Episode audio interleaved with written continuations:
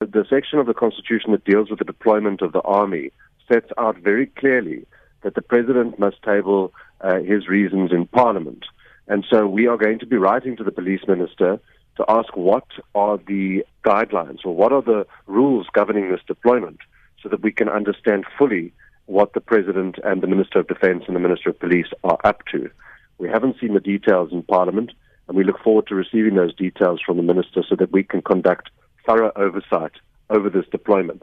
Whitfield sê verder die manier waarop die minister van polisie, Peggy Cele, die ontplooiing aangekondig het, is onvanpas. The minister was reckless in the debate last night, and I think that the minister has been placed under considerable pressure both by the DA uh, and the provincial government in the Western Cape to the extent that uh, I don't believe his announcement in the budget uh, was planned. If it was planned, I believe it was an operational miscalculation because you cannot go out on public and say we're coming in to arrest you.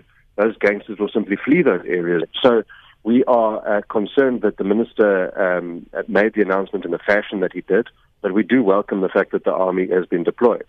And we sincerely hope that the minister's decision to announce it publicly to the country last night in the budget debate has not compromised the operations. Hy sê die ontplooiing van die weermag is 'n korttermyn oplossing. In the Western Cape, the policing ratio is one police officer to every 509 uh, people, and the national ratio is 1 to 383. while the United Nations norm for policing ratios is 1 to 220. The South African Police Service is 64,000 officers short of the UN policing ratio. And in the Western Cape, over the last four years, 4,500 police officers have been withdrawn.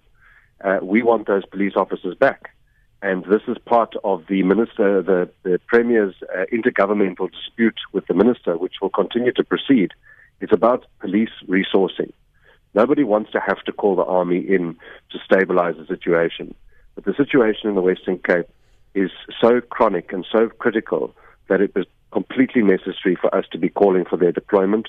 We welcome that deployment, but the reality is the army will come and the army will go. And ultimately, we will still be four and a half thousand police officers short.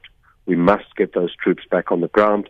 SAPS must commit those resources to the Western Cape, and that's what we will continue to call for. Andrew Whitfield, die DA skadu minister van polisie. Ek is Justin Kennerly vir SAK nuus.